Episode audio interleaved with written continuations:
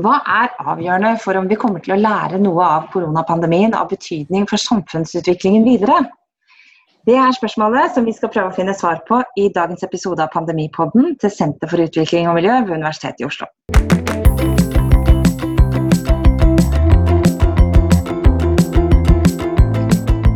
Mitt navn er Benedicte Bull, og jeg er professor ved senteret, ved SUM som vi kaller det. Og i Pandemipodden så ringer jeg til mine kolleger på hvert sitt hjemmekontor og spør dem om ting jeg vet de har mye greie på, som har betydning for enten årsakene til eller konsekvensene av koronapandemien. I dag eh, skal jeg eh, ta en prat med Pål Wisborg. Han er førsteamanuensis ved NMBU, men han er også gjesteforsker eh, på SUM. Og han har jobba i mange år med temaer som relaterer seg til miljø og utvikling og menneskerettigheter. God morgen, Pål. God morgen. Vi skal ta noen av de liksom store spørsmålene i dag. Nå er vi oppe på det overordnede nivået.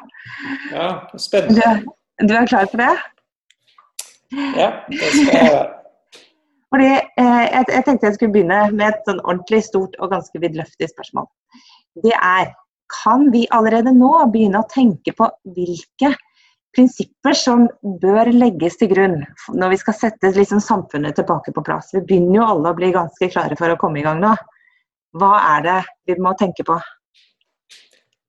Ja, kanskje vi ikke skal sette samfunnet tilbake på plass. Samfunnet er jo hele tiden i utvikling.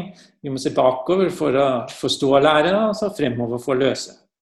Jeg tror det er veldig viktig å huske at koronakrisen oppstår for i samfunn som er preget av miljø- og klimakrise. Press på energi, på naturressurser, eh, stor og økende økonomisk ulikhet, utrygg tilgang på helsehjelp.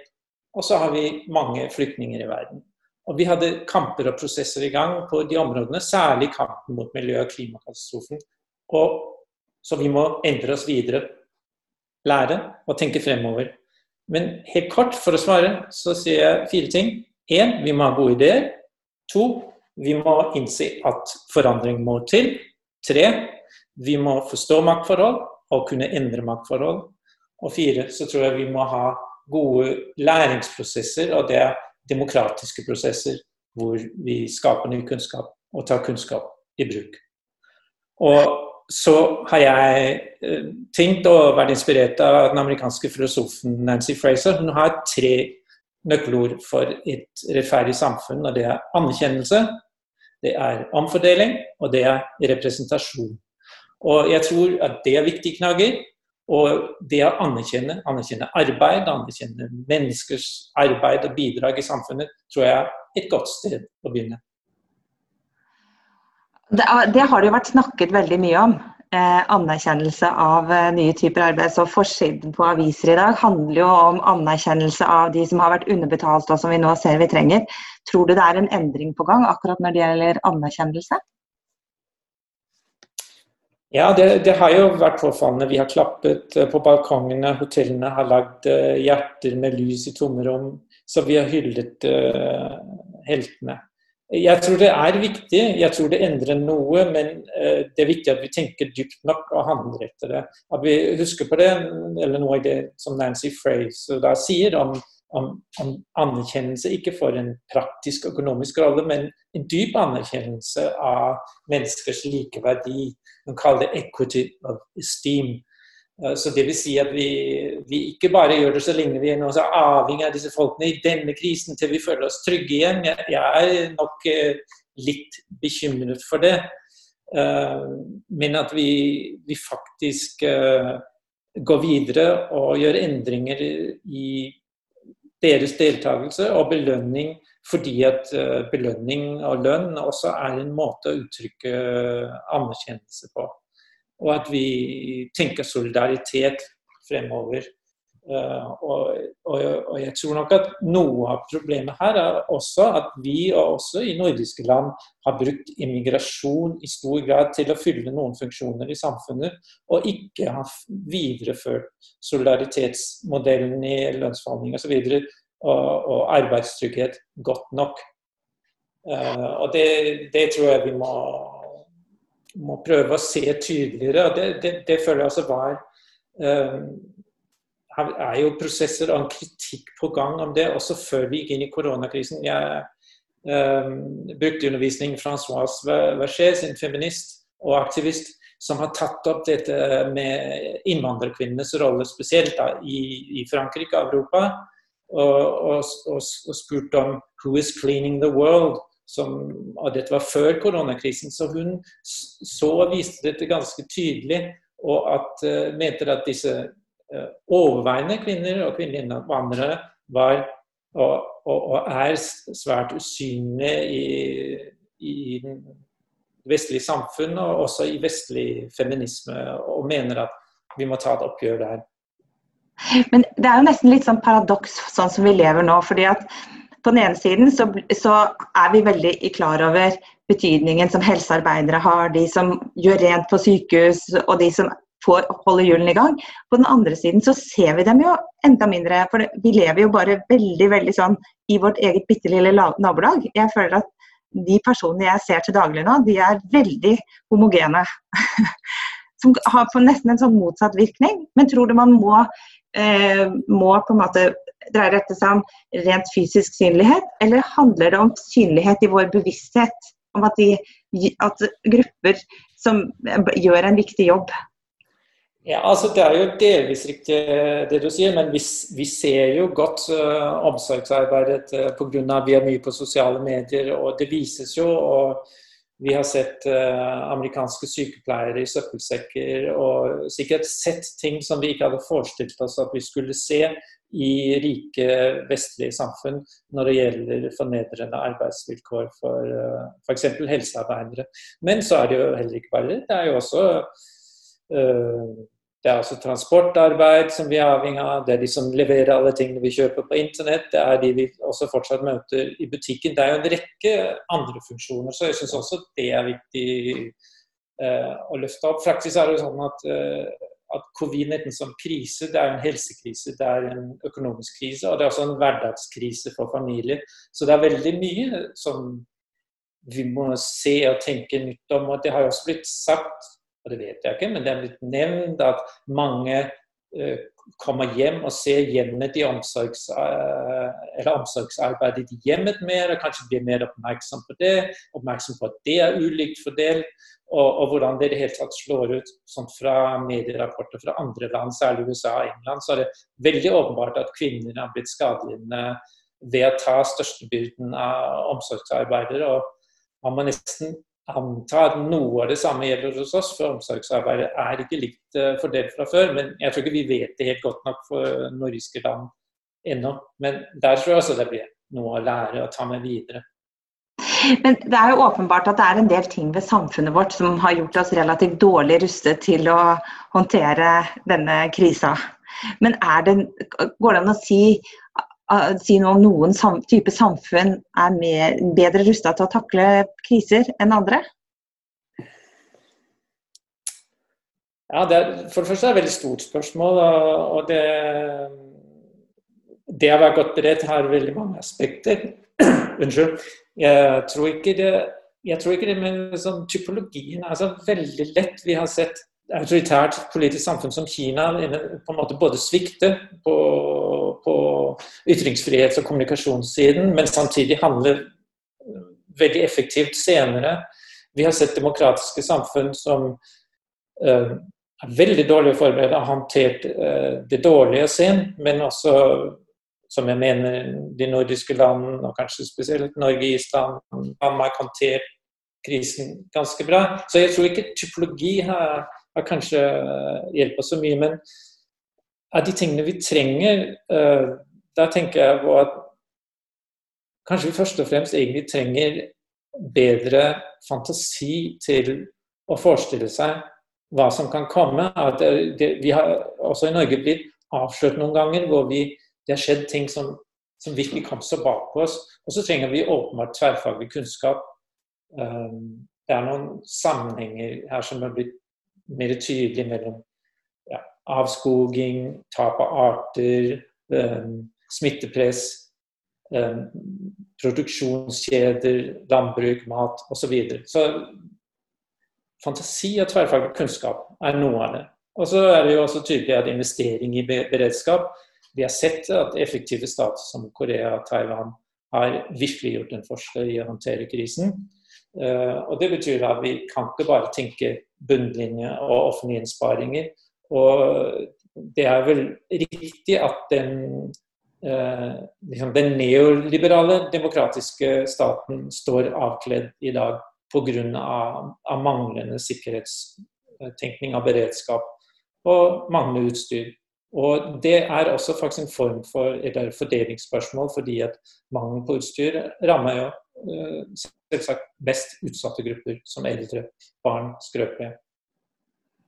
Og akkurat det med fantasi tenker jeg vi kan ta med oss litt på universitetet. for Vi er jo flinke til mye på universitetet, men vi er ikke så veldig gode til å lære opp studentene i å tenke kreativt, tror jeg.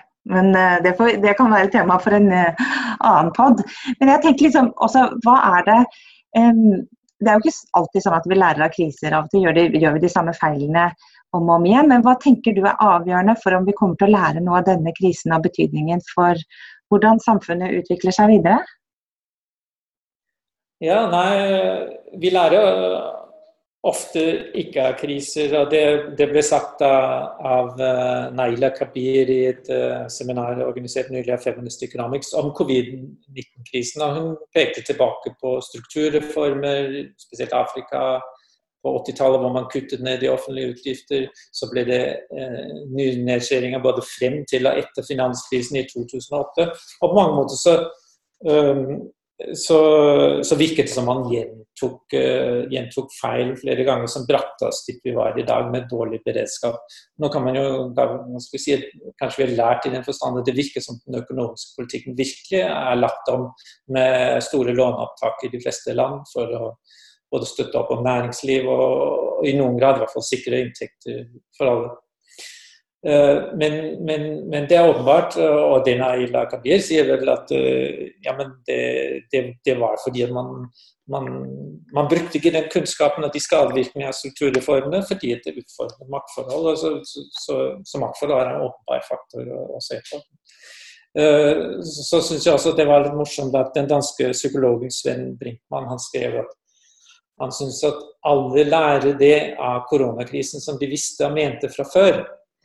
Uh, og, og, og det, det, kjente jeg meg litt igjen i, fordi jeg synes at jeg er litt sånn for grønn politikk og rettferdighet og likestilling mellom kjønnene og anerkjenne omsorgsarbeidet. Det var i grunnen ting jeg mente fra før, og nå har jeg fått en veldig bekreftelse på det.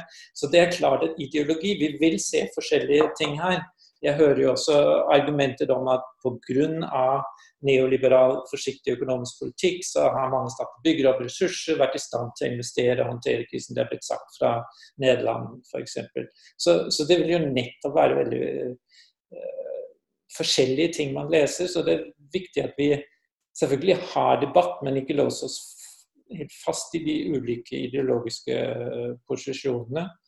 Jeg tror ikke vi skal være helt naive og tro at nå er alt forandret, eh, nå vil det skje fordi, fordi krisen har skjedd, og fordi at eh, noen av de tingene du har nevnt, at vi har klappet på balkongen og, ser arbeiderne og sier mye nytt, det, det, er jo mye vi uh, hører også, liksom fundamentale innsikter som um, Boris Johnson som oppdager plutselig at there is such a thing as society, som Eh, og endelig liksom svarer Margaret Thatcher.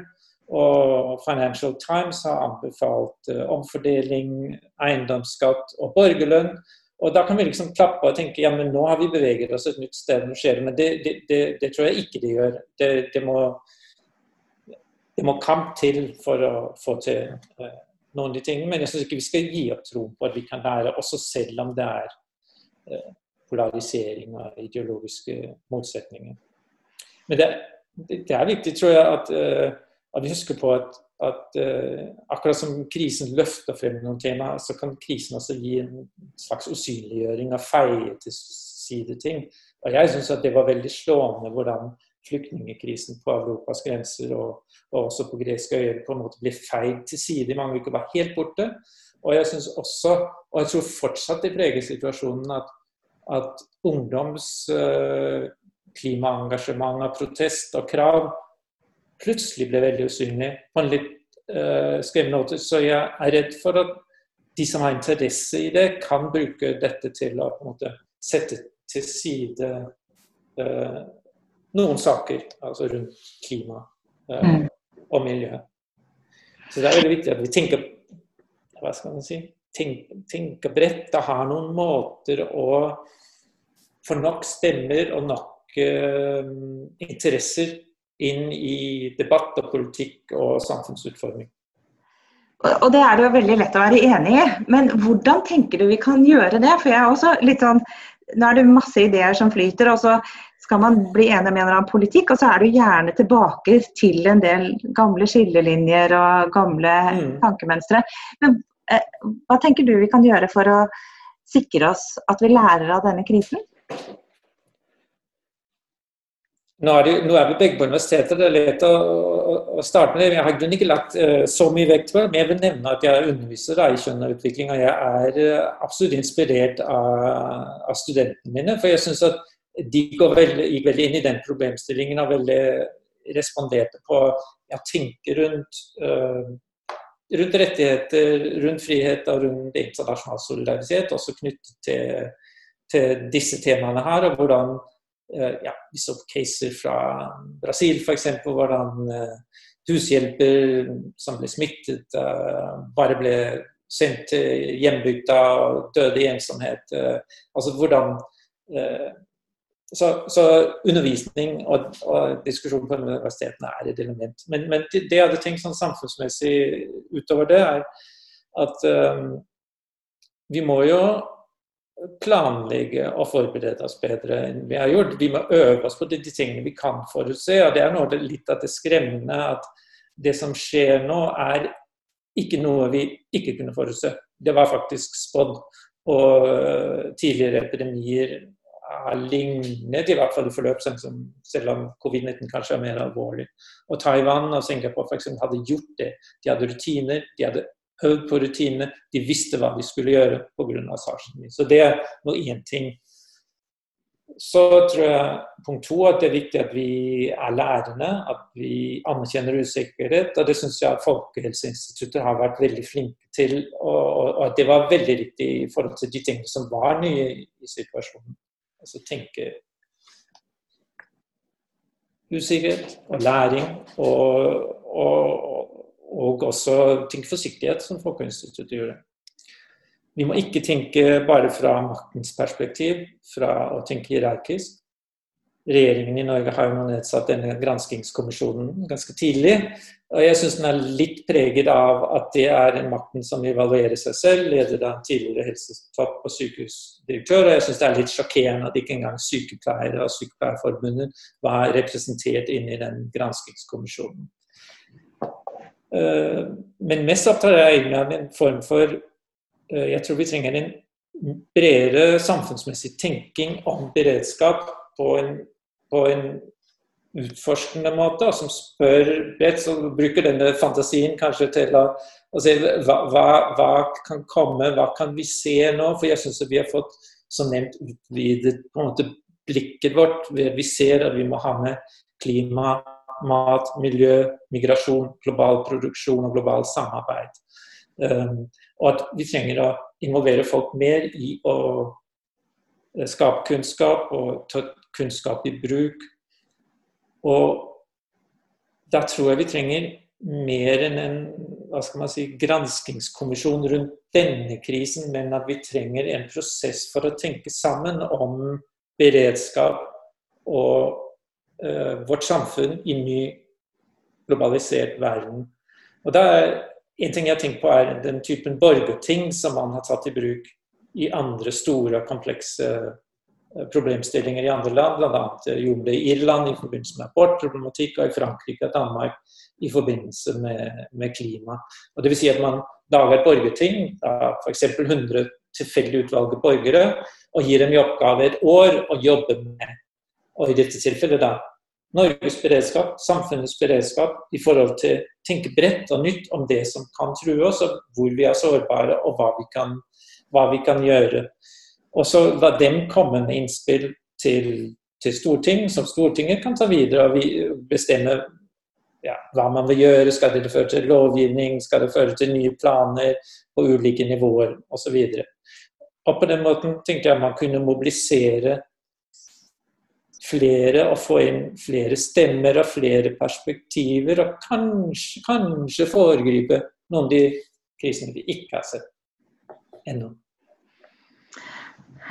Det høres ut, Jeg var veldig glad for at jeg fikk et ordentlig sånn konkret forslag og oppfordring til eh, kamp og solidaritet akkurat i dag, for i morgen er det 1. mai. ja, ja, ja. ja. Vi kan jo ikke akkurat gå ut i gata, men det er sikkert mye annet vi kan gjøre. Vi er vant til å sitte og, og, prøve å påvirke verden fra kontorene våre, vi som eh, jobber i, på universitetene. Mm. Eh, tusen takk for praten, Pål. Ok, takk skal du ha, Benedicte. Ha en fin dag videre. Ha en god 1. mai i morgen. I like måte.